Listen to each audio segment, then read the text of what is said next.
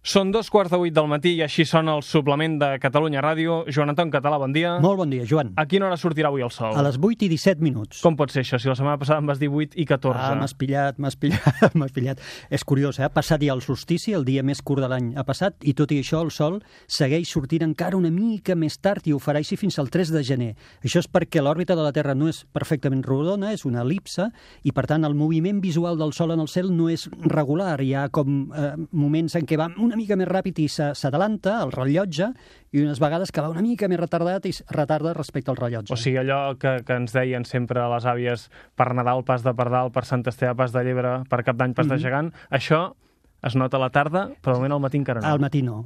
Al matí es notarà, a partir del 3 de gener començarà a notar-se.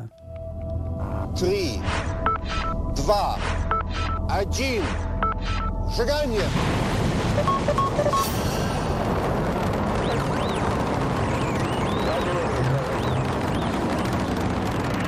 One step for man.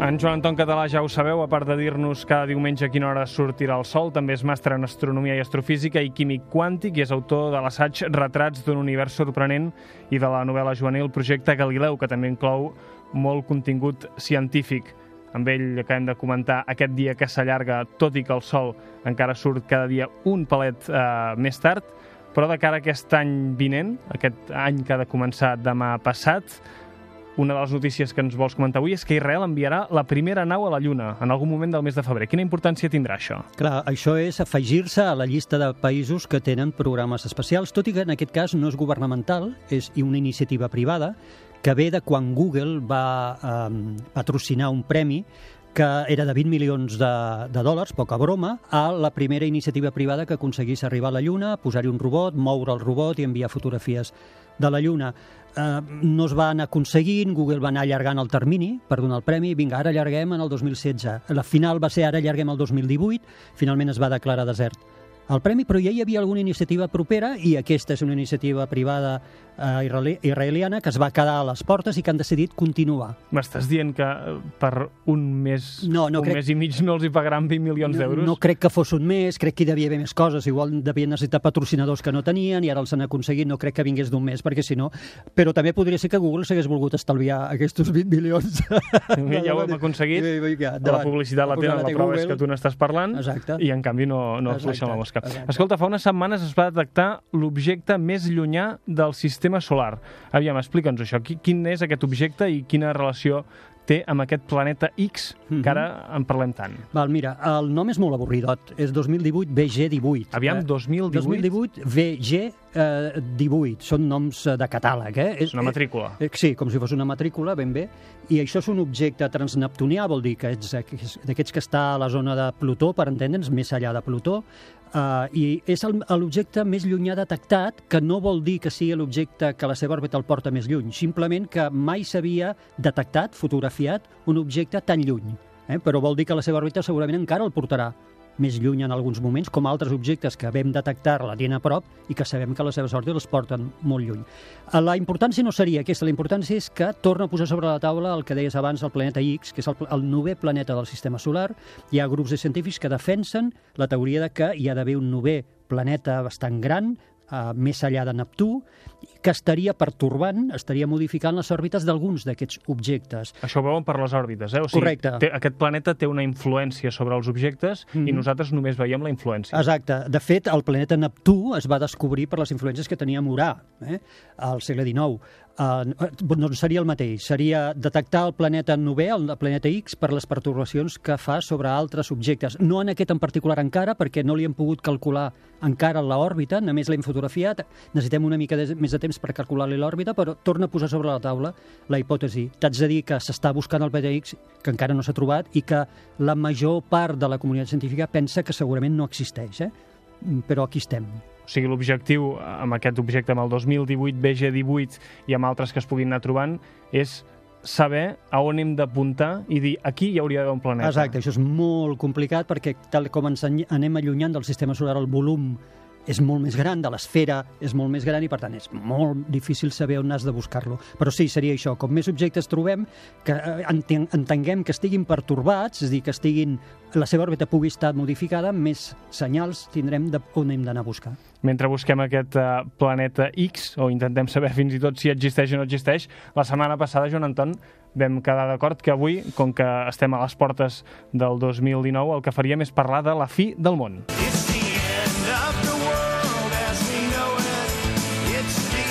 Joan Anton, s'acabarà el món el 2019? Eh, et diria, no la podria contestar, però estic segur que no. Per què s'ha predit tantes vegades que s'acabaria el món? Home, és molt... La gent que viu d'aquestes coses, vol dir de, de dir-la més grossa, és un tema fascinant per ells. Clar, els reporta seguidors per tot el món, fanàtics, repiula tuit, al Facebook, a les xarxes socials en general. Sempre es parla, és una cosa recurrent. si, cada si, jo dic, si jo dic fi del món, la referència no és algú d'ara que pugui estar piulant, la referència sempre és Nostradamus. Clar, Nostradamus, jo, jo, és curiós perquè eh, quan jo era jovenet es parlava de les profecies de Nostradamus, jo ara pensava que això estava oblidat i no, no. Quan m'he posat a fer una mica de recerca, he vist que encara es parla de Nostradamus. Qui era, les- qui era Nostradamus? Nostradamus és un, era un astròleg francès del segle XVI i ell eh, tenia el costum de mm, parlar, d'escriure eh, utilitzant llenguatges poc ent- entenedors, perquè ell tenia por de la Inquisició. Llavors, utilitzava terminologies i utilitzava paraules que podien tenir significats eh, diversos, que no estava clar el seu significat del que ell realment volia dir. Què passa? Que això ha donat peu a que es puguin interpretar els seus escrits de la forma que tu vulguis. És a dir, tu agafes molts escrits de Nostradamus i com que ell les farcia d'aquestes paraules, d'aquestes terminologies que no s'acaben d'entendre, tu li pots donar el significat que vulguis. I la, la qüestió clau, per mi, és que totes les prediccions que s'han complert, és dir, aquelles que els seguidors diuen eh, s'ha complert, ha estat a posteriori. És dir, ha És, estat... lo- això és l'horòscop de tota la vida, eh? Ho sí, sento. és l'horòscop, exacte. Mor el Kennedy i llavors diuen, ai, mira, mira, és que aquí està. Però ningú encara ha fet al revés. Ningú encara ha dit, passarà tal cosa quan encara no hagi passat i que realment hagi passat. Això encara ningú no ho ha fet, I, curiós. I ell en va encertar alguna, a priori? Totes, totes, totes. És dir, això que et deia, no? Totes van encertar... si no ens el llegim com a horòscop, sinó com a astròleg i no, com a ciència... cap ni, cap ni una, perquè és això, les, no hi ha res evident, eh? no hi ha cap lloc que digui clarament el que, el que ha de passar, eh, sinó que tot queda sota la interpretació de qui ho llegeix. Per tant, jo diria que cap ni una. I la interpretació que, que se'n fa després dels seus escrits, això té algun fonament o sempre és avantatgista de toro passat, com ens estàs explicant? És a toro passat, fixa-t'hi, ja hi vaig trobar titulars, de, però actuals, eh, per internet, de la Tercera Guerra Mundial i 10 devastadoras profecías para el 2018, que era l'any passat. Doncs, Sabia- escolta, queden hores, eh? Sí, sí, queden hores per això, que igual encara, encara ha de passar això, no? I fins i tot n'hi havia, n'hi havia algun de profecia que diu que el Nostradamus va predir que en el 2018, és a dir, aquest, la gent deixaríem de pagar impostos. Tu imagina't, en aquella època que Nostradamus ja va predir que en el 2018 deixaríem de pagar impostos. Jo estic esperant eh, animat aquestes hores que ens queden. Queda un, un, un dia i mig i una mica més, eh, de moment crec que, crec que ens seguim pagant. Escolta'm, Nostradamus, a banda, el que també triomfa molt en aquest, no sé si dir-li món, submón, de, de la predicció de l'apocalipsi, són els maies. Els maies- Una profecia maia. Sí, sí, la, ho rebenten, sí, sí, ho peten. Uh, els maies fa uns anys es va parlar molt, l'any 2012 era quan s'havia d'acabar el món. Eh, el- Aquests ho deien més clarament o també... No, no, res, no deien res clarament. No, no, no, aquests no deien res, Sí, també és simplement... horòscop una altra vegada, eh? Total, no, però ni això. En aquest cas ells no volien predir res. Així com el Nostradamus encara pots pensar que... No, no, eh, ells res, ells simplement va haver una interpretació d'uns historiadors que ha estat desmentida per als que coneixen tota la cultura maia del calendari que tenien aquesta gent. I segons aquesta interpretació que van fer, aquest calendari s'acabava el 21 de desembre del 2012 i això volia dir que allà s'acabava el món. Uh, I, òbviament, els que són estudiadors de Maia no, no, no, això no té res a veure, no hi havia res màgic, res de profecia amb que aquest calendari que hem trobat Maia, que s'acabava el 2012, signifiqui absolutament res. T'haig de dir que els mateixos que defensaven això del 2012 ara estan defensant que eh, ens vam equivocar. I no era el 2012, en veritat era el 14. I després, quan El passa el, 2014, home, a priori tampoc, eh? No, per això hi van canviant. Eh? I encara demà estarem parlant del 2019 dels maies. Sembla que, eh, evident que la data no l'acaben d'encertar. Quines eren les causes d'aquesta fi del món maia? N'hi ha moltes, eh, però quan busques eh, hi ha gent que et parla doncs, d'impactes asteroides, que és aquest el, el tema preferit. N'hi ha que et parlen de la intervenció d'extraterrestres, de civilitzacions que venen i ens extingeixen, i fins i tot n'hi ha algunes que parlen de que ens topem en un forat negre que ens en passa i fa desaparèixer tota la Terra. Vull dir, podem trobar raons absolutament variopintes, cap de les quals, òbviament, els maies van dir perquè no sabien ni el que era ni un forat negre ni els, ni els impactes dels asteroides. Eh? Això són els estudiosos, entre cometes, diríem, d'aquestes coses que eh, interpreten i diuen que totes aquestes podrien ser les causes. Ens faltaria una pedra roseta per, per Sí. poder ide- identificar una mica millor què ens volien dir. Escolta, si deixem els maies, deixem Nostradamus, hi ha, hi ha alguna teoria més recent que també digui que ve la fi del món? Perquè, Sí. per exemple, a la Marta em passa un titular que diu Científicos confirman la supuesta fecha del fin del mundo y está más cerca de lo que piensas. Això, a part de ser un, un clickbait de manual, Sí. qui- quina raó té de ser té al fons? A veure, jo et diré que si segueixen així algun dia l'encertaran. És dir, si segueixen en milions d'anys així, algun dia l'encertaran. Mira, l'última que vaig trobar es referia al 23 d'abril d'aquest any que ara deixem. Eh? El Del 23 d'abril 2018. del 2018. Sant Jordi. Sant Jordi, sí, mira, no hi havia Quin pensat. dia, eh? Sant Jordi, sí, sí, el drac, el drac, no? Però no era un drac, era un enorme planeta que havia d'impactar contra la Terra. Potser és el planeta X. Potser era el- l'X que ha vingut. Però, bueno, no ha vingut perquè, de fet, no, no ens ha passat res. I després, els mateixos que deien això van canviar la data al 22 de setembre perquè deien que no era un planeta, sinó que seria la Lluna, que la Lluna s'aproparia i cauria sobre la Terra el 22 de setembre. I per Liverpool ja és tard Microcosmos del planeta humà Joan Anton, veig una mica difícil que el món s'acabi per causes externes, per tot el que m'estàs explicant, bàsicament perquè s'ha dit que passaria mil cops i no ha passat mai, però hi ha un altre risc, que és que això vingui de dins. Sí, aquest, aquest és el risc real. T'haig de dir que no és la fi del món, és la fi de la humanitat o del nostre estil de vida. El món seguirà, la Terra seguirà. Allò de hem de salvar el planeta, no, perdona, el T'ha planeta... canviat la cara, eh? això ho veus més plausible. Sí, absolutament. Bé, però no és el planeta, el planeta seguirà, la natura seguirà, amo sense nosaltres, el que ens hem de salvar som nosaltres. I, I com ho farem per autodestruir-nos? Avui tenim molts, moltes opcions. Eh? Hem, hem avançat tant que tenim moltes opcions per uh, destruir-nos. Per exemple, el canvi climàtic segurament no ens esborrarà de la Terra, però sí que perjudicarà les generacions que venen, amb el benestar que nosaltres tenim, amb el clima que nosaltres tenim, això el malmetrem, amb les espècies vives que estem extingint, que no en podran gaudir els nostres, els nostres fills. No? Eh, per tant, canvi climàtic claríssim. Ja dic, dos, tres graus són nefastos a escala, són catastròfics a escala mundial. L'home probablement sobreviurà en això, però a costa de carregar-se la meitat de les espècies vives i de malmetre el clima temperat que tenim ara. Però n'hi ha d'altres, el perill d'un conflicte nuclear. Aquest estava molt... Bueno, potser és d'unes dècades Sí. enrere, però aquest, la Sí. gent li tenia autèntic pànic. Sí, sí, perquè havia arribat moments abans del desarmament, no desarmament, la gent pensa, diu desarmament, no, abans de la congelar. Els tractats nuclears el que fan és congelar. Sí que es van reduir els arsenals, però el que van fer és bàsicament congelar-los. Però encara hi ha uns 15.000 caps nuclears repartits per tot el món. El perill és, és gran de que mai algun cap nuclear pugui tenir un accident o caigui en mans eh, terroristes o mans... Quants, quants se n'haurien de detonar perquè realment... No, de fet, eh, per carregar-se això que dèiem al planeta no tindríem suficient potència. Per carregar-nos a la raça humana tampoc, eh? però, evidentment, estaríem parlant de centenars, si no milers de milions de morts. Ens podríem complicar molt... molt l'existència del, dels que quedessin, perquè deixaríem un, un planeta devastat. I alguna altra causa d'autodestrucció? Sí, sí, n'hi ha modernes i aquestes sí que són molt, molt, estan aquí, que són riscos biològics. Uh, de fet, està preocupant molt la reacció que estan tenint bacteris i virus, als, sobretot bacteris, als nostres antibiòtics. Cada cop estan apareixent, s'estan desenvolupant uh, organismes resistents als nostres antibiòtics. I, de fet, eh, clar, estem lluitant contra ells i no ens en donem compte que els estem fent cada cop més forts. Clar, nosaltres som el seu propi gimnàs, eh? a Sí. còpia de- d'anar-los i tirant antibiòtics i medicaments i que ells els vagin eh, contrarrestant i sobreposant-s'hi cada vegada. Exacte. La OMS, de fet, ha declarat aquest possible perill com un dels més importants del segle XXI. No, no a nivell de l'extinció de la raça humana, però sí a nivell de que hi haurà malaltats que cada cop apa- apareixeran per bacteris que els, pensàvem que els teníem controlats i ho estaven, que hauran desenvolupat aquesta capacitat de resistència. I finalment, Joan Anton, una altra de les... eh, No, no sé si d'entre aquestes tres, entre les catàstrofes biològiques, el conflicte nuclear o el canvi climàtic, si haguessis d'apostar per un diries aquest? O... Mm, Soc bastant incapaç. A veure, el canvi climàtic és una evidència, Aquest per bé, molt eh? que el Trump ho negui. És evident que el tenim en aquí i jo sóc pessimista en això. Eh? I soc... sigui, tu apostaries més aviat per aquí, eh? Sí, per, perquè el canvi climàtic és una cosa que difícilment podrem tirar enrere ja. Mm. El que et deia, una altra de les uh, causes de la fi del món, abans ho apuntàvem una mica, és la d'un impacte d'un objecte que vingui contra la Terra. Mhm. Això ens ha de fer por?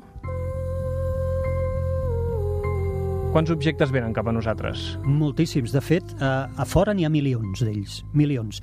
Que vinguin cap a nosaltres no n'hi ha tants, afortunadament, i menys que vinguin en direcció d'impacte, eh, que no n'hi ha cap en aquest moment, que tinguem calculat durant els propers 2.000 anys. Eh, és un marge, però... és un marge. Sí, és bo. Ens podríem equivocar perquè hi ha dos tipus d'objectes. Aquells que ja, ja hi coneixem l'òrbita, la trajectòria, i els tenim allà eh, vigiladets, el perill són els que no hem trobat encara, aquells que ens podrien venir de les afores del sistema solar des de molt lluny, que ens poguessin aparèixer, ser detectats en pocs anys d'antelació i que no ens dugués temps a, a fer res. No? El marge quin seria? El marge és d'anys, és a dir, nosaltres les tecnologies que no les tenim provades, i faríem bé algun dia de provar-les, necessiten anys bastants d'antelació per poder modificar a poc a poc, lentament, l'òrbita d'aquest cometa o un dia ens podríem trobar amb un titular de l'estil l'objecte tal, si no si fa res, d'aquí 12 anys impacta contra la Terra. Sí, eh, podríem trobar-nos, espero que no, eh, perquè 12 anys, jo m'imagino que 12 anys ja, ja és temps suficient com per poder-hi fer alguna cosa. I fer alguna cosa és allò que veiem a les pel·lícules, cada cop s'inventen un supermíssil... No,